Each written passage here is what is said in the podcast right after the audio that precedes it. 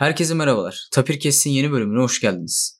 Bu bölümümüzde yıllardır fırlatılması beklenen fakat sürekli fırlatılma tarihinin teknik aksaklıklardan dolayı ertelendiği ve NASA tarafından yeni fırlatılma tarihi en erken 24 Aralık 2021 olarak açıklanan James Webb Uzay Teleskobu ve James Webb Uzay Teleskobu'ndan önce fırlatılan TESS, Hubble, Herschel, Parker Solar Probe ve dünyanın dört bir yanındaki 8 ayrı teleskobun oluşturduğu teleskop ağı olan Event Horizon Teleskop yani Olay Ufuk Teleskobu tahmin edilen yer çekimi dalgalarını doğrudan tespiti için LIGO adı verilen sistemden bahsedeceğiz. Herkese keyifli dinlemeler.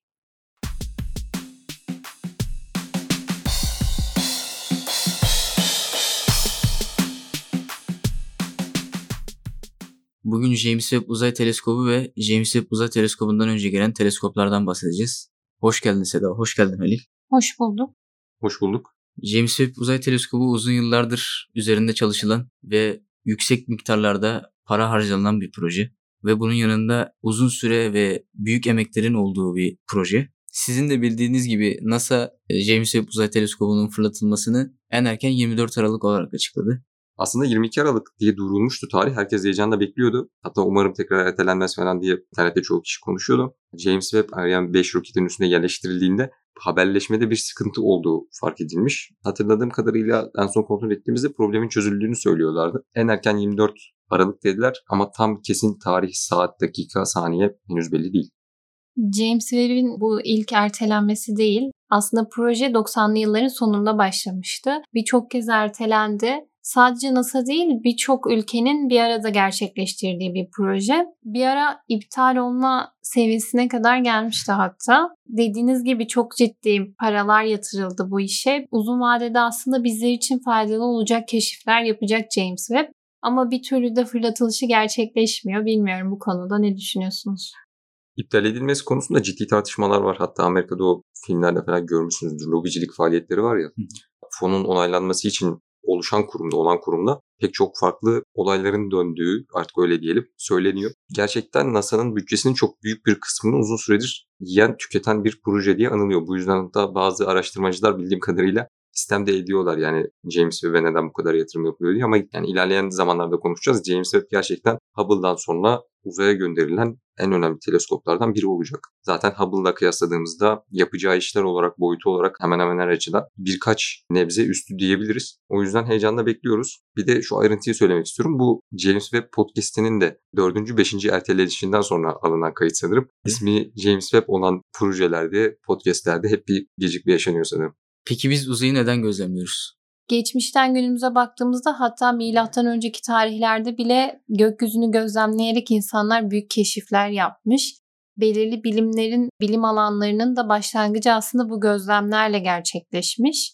Bunun bir kısmının merak olduğunu düşünüyorum ben. İnsanlar neden gözlemliyor? Sürekli çevrelerinde gerçekleşen olayları neden izliyor? İlerleyen zamanlarda da bunları kendi faydaları için kullanmaya başlıyorlar. Yani uzayı neden gözlemliyoruz sorusunun cevabı bana kalırsa merak.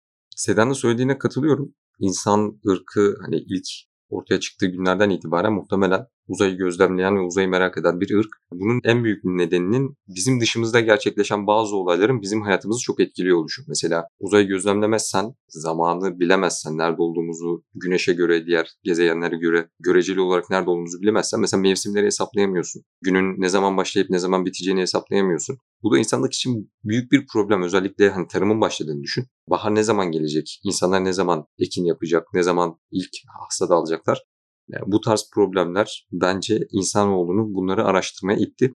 Yine Seda'nın söylediği gibi pek çok bilimin hem fizik olsun hem matematik olsun temelinde aslında insanoğlunun temel ihtiyaçlarından ve merakından kaynaklı olarak ortaya atılan ilk fikirler belirgin rol oynuyor. İşte integral hesabında hep verirler ya Nil belirli zamanlara göre taşıyor gelgitler. Gelgiti hesaplamak için zaten ayın o periyodik hareketini hesaplaman gerekiyor. Tabii buna ek olarak Seda'yla da Yiğit'le de daha önce konuştuğumuz bir gerçeklik var. O zamanlar düşündüğümüzde şu an sahip olduğumuz elektriğe sahip olmadığımız için mesela sokak lambaları olmadığı için ya da o ya da o ışık kirliliğini yaşamadığımız için belki bunu işte Yiğit kamp yapmaya gittiğinde ya da köye gittiğinde fark etmişsindir. Gökyüzü geceleyin eğer ay yoksa inanılmaz görünür ve bunu merak etmemek zaten abes olandır. Tabii insan olduğu zamanki gün içindeki yorgunluğunu, gece erken yatışını falan hesaba katıyorsun ama mutlaka birkaç kişi, birkaç insan ya bunlar ne acaba diye merak etmiştir ve bunları sorgulayarak başlamıştır. Özellikle o ilk gözlemlere baktığın zaman uzun yıllar boyunca her gece çıkıp bir yıldızın konumunu ölçmek, bu yıldızın diğer yıldızlara göre konumunu ölçmek gerçekten sebat gerektiren, sabır gerektiren işler. O yüzden temel kaygının, temel araştırma sebebimizin Sedan dediği gibi merak ve ihtiyaç olduğunu düşünüyorum. Tabii abi sabırla çalışmaktan bahsetmişken biz de James Webb Uzay Teleskobu'nun fırlatılmasını sabırla hala bekliyoruz. Geçmişte bazı gözlemler yapılmış ve günümüze kadar gelmiş. Günümüzdeki aslında keşiflere de yardımcı olan gözlemler ama şu anda James Webb'den bahsediyoruz. Ciddi teknolojiler, ciddi paralar yatırılarak gerçekleştirilen projelerden bahsediyoruz. James Webb'in fırlatılmasına çok az kaldı ama ondan öncesinde Hubble aslında uzun bir süre uzayı gözlemleme görevini gerçekleştirdi. Şu anda elimizde aslında son dönemde var olan verilerin bir kısmını Hubble'a borçluyuz. Hubble'la James Webb'i aslında karşılaştırırsak en büyük farkın hangi spektrum aralığında kaydettikleri.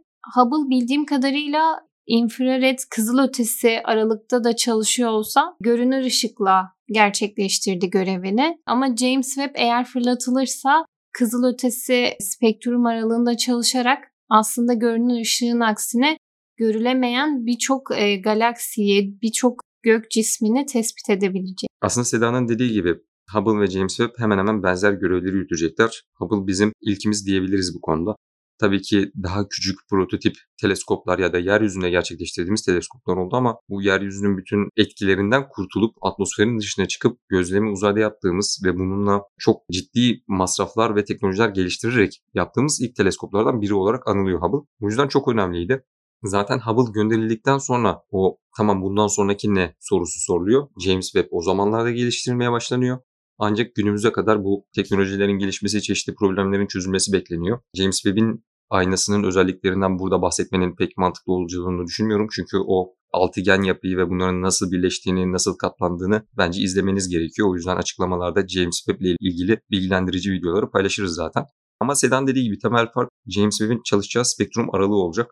Biraz daha düşük frekanslı ışınları, işaretleri almamızı sağlayacak.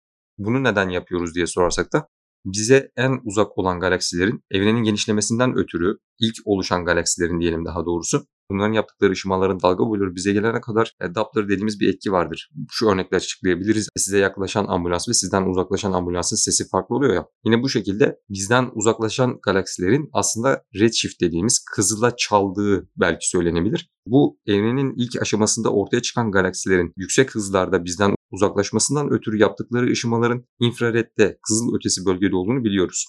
Bunları daha iyi gözlemleyebilmek için, bunların nasıl oluştuğunu, nasıl yapılarının olduğunu daha iyi anlayabilmek için aslında bütün bu masraf yapılıyor. Tabii ileride konuşacağımız mesela egzoplanetlerin atmosferlerinin hangi maddelerden, hangi elementlerden oluştuğunu tespit etmek gibi görevler de yürütecek. Ama buradaki temel görevinin bizim evrenin ilk oluşum aşamasını, o Big Bang'den sonrasını çok daha iyi anlamamızı sağlayacağı olarak söyleyebiliriz. Exoplanet alanında ya da bu alanda çalışan hatta kara delik alanında ya da gravitational wave'lerin tespitinde çalışan pek çok teleskobumuz yeryüzünde, uzayda bulunuyor.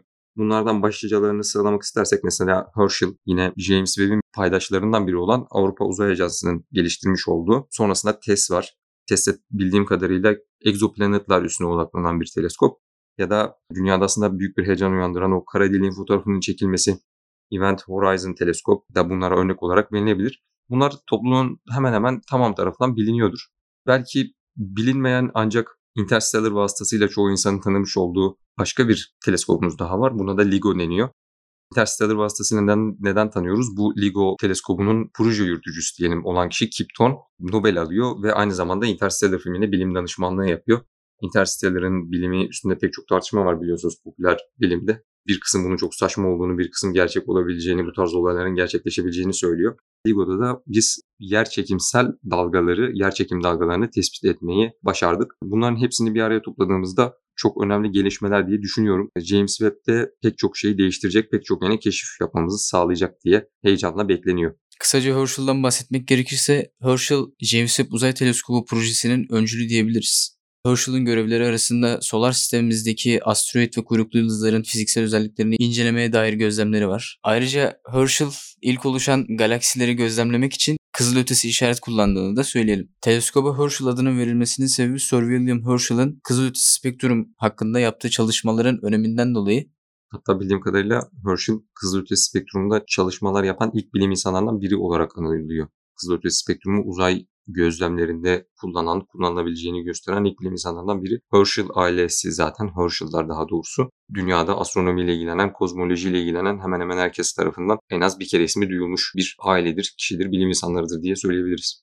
Uzayı gözlemlemek için aslında her teleskobun farklı bir çalışma prensibi var. Hubble'dan bahsettik. Yine Herschel, James Webb ve Herschel infrared kullanarak çalışıyor. Hubble görünür ışıkla çalışıyor. Ama bir şekilde bazı verileri bizlere sunuyorlar. Galaksilerin ve gök cisimlerinin keşfinden sonra son dönemlerde bence egzoplanetlerin keşfi de arttı. Bunun için de TES'i örnek verebilirim. Adından da anlaşıldığı gibi Transiting Exoplanet Survey Satellite. Transit denilen bir metodu kullanarak aslında şu ana kadar çok sayıda egzoplanetin keşfini yaptı. Bu da NASA'nın 2018 yılında e, fırlattığı bir teleskop. Egzoplanetler için aslında yine yakın bir zamanda Kepler gönderilmişti uzaya. Onun görevini devam ettiriyor diyebiliriz TESS için. Egzoplanetlerin keşfi bildiğim kadarıyla Nobel ödülü almış bir olay. Dediğim gibi senin son zamanlarda aslında teleskoplarla yapılan gözlemler üstüne yapılan çalışmalar sonucunda çeşitli Nobeller verildi. Biraz önce de bahsettiğimiz gibi. Exoplanetlara verilen Nobel oldukça tartışmalıydı. Biz bunu 2019 Nobel bölümümüzde Tapirkes'te genişlemesine ele almıştık. Bu alanda egzoplanetleri neden araştırıyoruz konusunu belki açıklamak gerekiyor.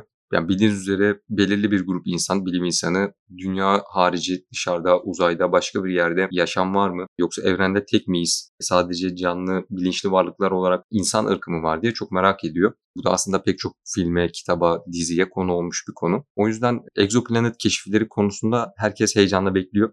Gerçekten acaba dünya dışında başka bir yerde yaşam bulabilecek miyiz ya da alternatif bir dünya bulabilecek miyizin önemli bir arayışı var. Çünkü spektrum bölümlerinde sıkça değiniyoruz aslında dünyanın yaşamının yavaş yavaş insanlar tarafından sona erdirildiği ya da artık yaşanamayacak bir yere getirildiği konusunu. Bu yüzden egzoplanet çalışmaları oldukça önemli.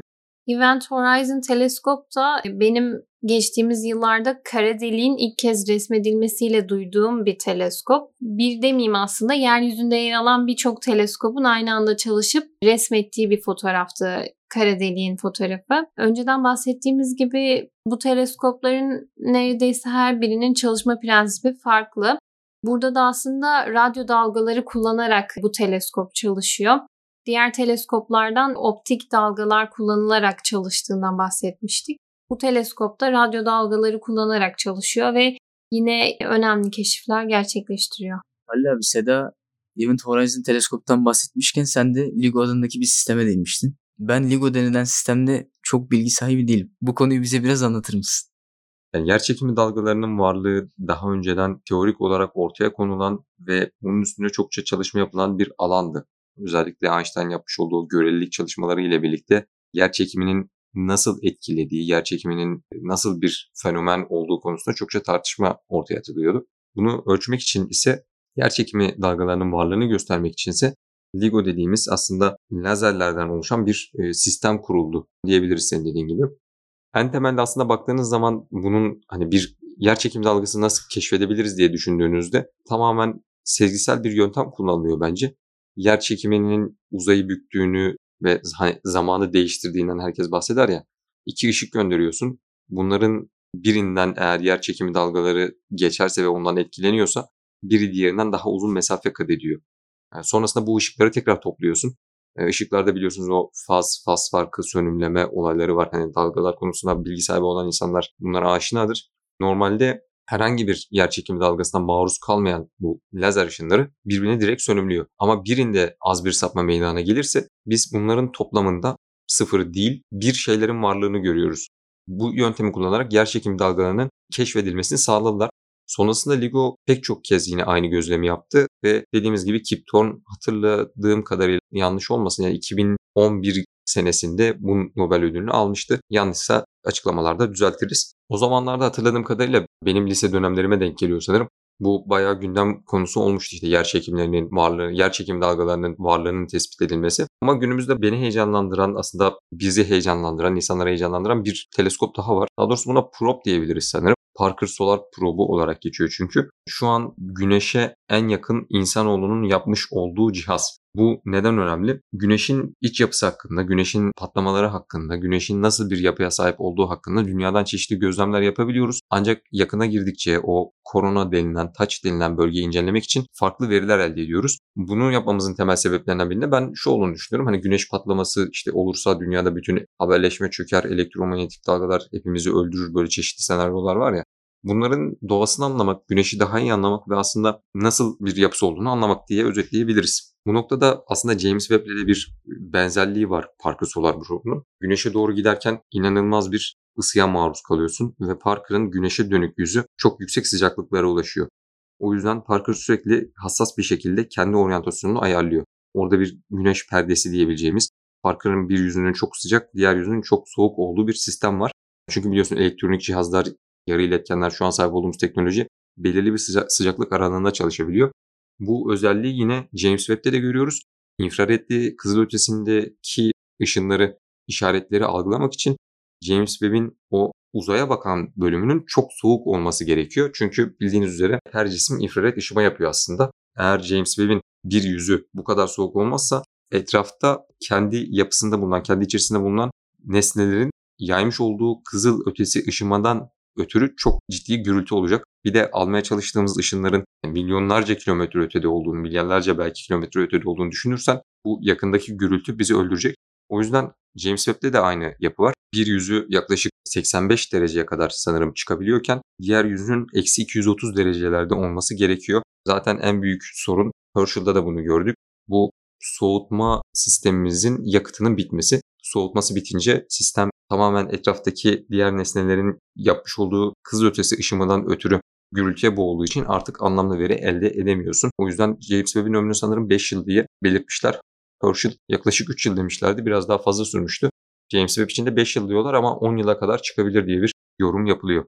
Uzun yıllardır yapılması planlanan bir teleskobun da görev süresinin sadece 5 yıl olması üzücü bir durum bence. Bu kadar çok uzayı gözlemleyen teleskoplar dünya çapında yapılmış teleskoplardan bahsettik. Biraz da aslında Türkiye'deki girişimlerden bahsedebiliriz. Son zamanlarda duyduğumuz Dağ Gözlem Evi adı verilen Doğu Anadolu Gözlem Evi yanlış bilmiyorsam. Burada da yine uzayı gözlemleme adına güzel işler yapılıyor. İnsanları aslında çocukları uzaya olan ilgisini artırmaya çalışıyorlar henüz uzayı gerçekten gözlemleyecek kadar ileri seviye bir teleskopumuz olmasa da bu tarz girişimlerin olması güzel bence. Doğu Anadolu gözleminden bahsetmişken Kayseri'deki Erciyes Üniversitesi'nde de uzay çalışmaları adına yapılan projeler var. Radyo astronomi alanında Türkiye'nin tek optik astronomi alanında ise 35 ve 40 santim ayna çaplı ikiz teleskopları ile en yeni gözlemevidir. Bu verileri James Webb'in 8,5 metrelik aynasıyla karşılaştırdığımızda büyük farklar ortaya çıkıyor tabi. Aslında tek fark ayna çapında değil, Erciyes Üniversitesi'ndeki gözlemevinin yeryüzünde James Webb'in dünyadan yaklaşık 1,5 milyon kilometre uzakta olması da var. Türkiye bu alanda gözlemevi ve uzayda gözlem için bulundurduğu uydular açısından baktığımızda dünya üstünde neredeyse etkisi hiç olmayan ya da çok az olan ülkelerden biri diyebiliriz. Bu alanda Türk Uzay Ajansı'nın çeşitli çalışmaları var. Geleceğe yönelik çeşitli planlamalarımız var. Bunları gerçekleştirmek için bayağı bir emek sarf etmemiz gerekiyor. En azından şöyle düşünebiliriz. Bildiğimiz kadarıyla hem NASA'da hem Avrupa Uzay Ajansı'nda Türk bilim insanları önemli tecrübeler ediniyor ve burada edindikleri tecrübeleri eğer ülkemizin başlatacağı projelerde paylaşırlarsa sıfırdan başlamak değil zaten onların kat etmiş olduğu yerden bir nebze de olsa gerisinden başlayıp daha ileriye götürebiliriz diye düşünüyorum. Ama şu an görünen yakın birkaç 10 yılda Türkiye'nin bu alanda ciddi yatırımlar yapması, ciddi çalışmalar yapması gerektiği görünüyor ki dünyanın geri kalanını yakalayabilirim. Ya da en azından mesela Kanada Uzay Araştırma Enstitüsü gibi ya da Japon Uzay Araştırma Kurumu diyelim. Bu gibi kurumlarla ortaklaşa bir şeyler yapılırsa, Avrupa ile Amerika ile ortaklaşa bir şeyler yapılırsa tecrübe kazanacağımızı, Türk mühendislerinin, Türk bilim insanlarının bu alanda çok daha bilgi ve tecrübe edinebileceğini düşünüyorum insanların bu alana dikkatini çekmek önemli. Mesela Perseverance'da Perseverance'ın ve Ingenuity'nin ismi o Mars'a giden uzay aracı vardı. çocuklara düzenlenen yarışma ile koyuluyor. Çocuklar Mars'ın keşfi hakkında düşünüyor. Mars'ta uçacak helikopter hakkında düşünüyor. Bunun hakkında hayaller kuruyorlar. Ve bunlara sizin verdiğiniz isim konulabilir diye bir ödül konuluyor. Hem Perseverance hem Ingenuity hatırladığım kadarıyla o podcast'te konuşmuştuk. Çocuklar tarafından önerilen isimlerdi. Bunu özellikle o 60'larda Soğuk Savaş döneminde Ay'a çıkılmasıyla başlayan önemli uzay sevdası, uzay sevgisi ve 60'larda doğan, 60'larda gençliğini yaşayan insanların çokça tanık olduğu uzay savaşları diyebileceğimiz dönemde heyecan ve şevkin şu anki çocuklarda olmadığının gözlemlendiği için bu tarz girişimler yapıldığı söyleniyor. Ülkemizde de bunu geliştirmek adına evet dediğim gibi ben biliyorsun Kayseri'de bir süre yaşadım. Ailem hala orada yaşıyor. O gözlemevi Kayseri'nin hemen hemen çoğu yerinden görünebilir bir konumdadır ve çocuklar buraya gözlem için, gezi için götürülür. Ancak bunun da yine çocuklardaki şevki uyandırmak ve çocukların merakını artırmak için çok daha fazla emek harcamamız gerektiğini düşünüyorum. Bu podcastimizde teleskoplardan bahsetmişken planladığımız akışın dışında gittik birazcık. Bunun en önemli sebeplerinden bir tanesi James Webb Uzay Teleskobu'nda çıkan aksaklıklardan dolayı ve sürekli fırlatılmasının ertelenmesinden dolayı kaynaklandı. Umarız ki NASA'nın açıkladığı tarihte yani 24 Aralık'ta fırlatılması gerçekleşir. 24 Aralık'ta eğer bir aksilik olmazsa fırlatıldığı gün internetten canlı yayın sağlanacak ve canlı yayının linkini de açıklamalar kısmında bulabilirsiniz. Halil ve Seda katıldığınız için teşekkür ederim. Biz teşekkür ederiz. Teşekkürler. Konuştuğumuz teleskoplara dair bağlantıları açıklamalar kısmındaki linklerden ulaşabilirsiniz. İlerleyen bölümlerde tekrardan görüşmek üzere.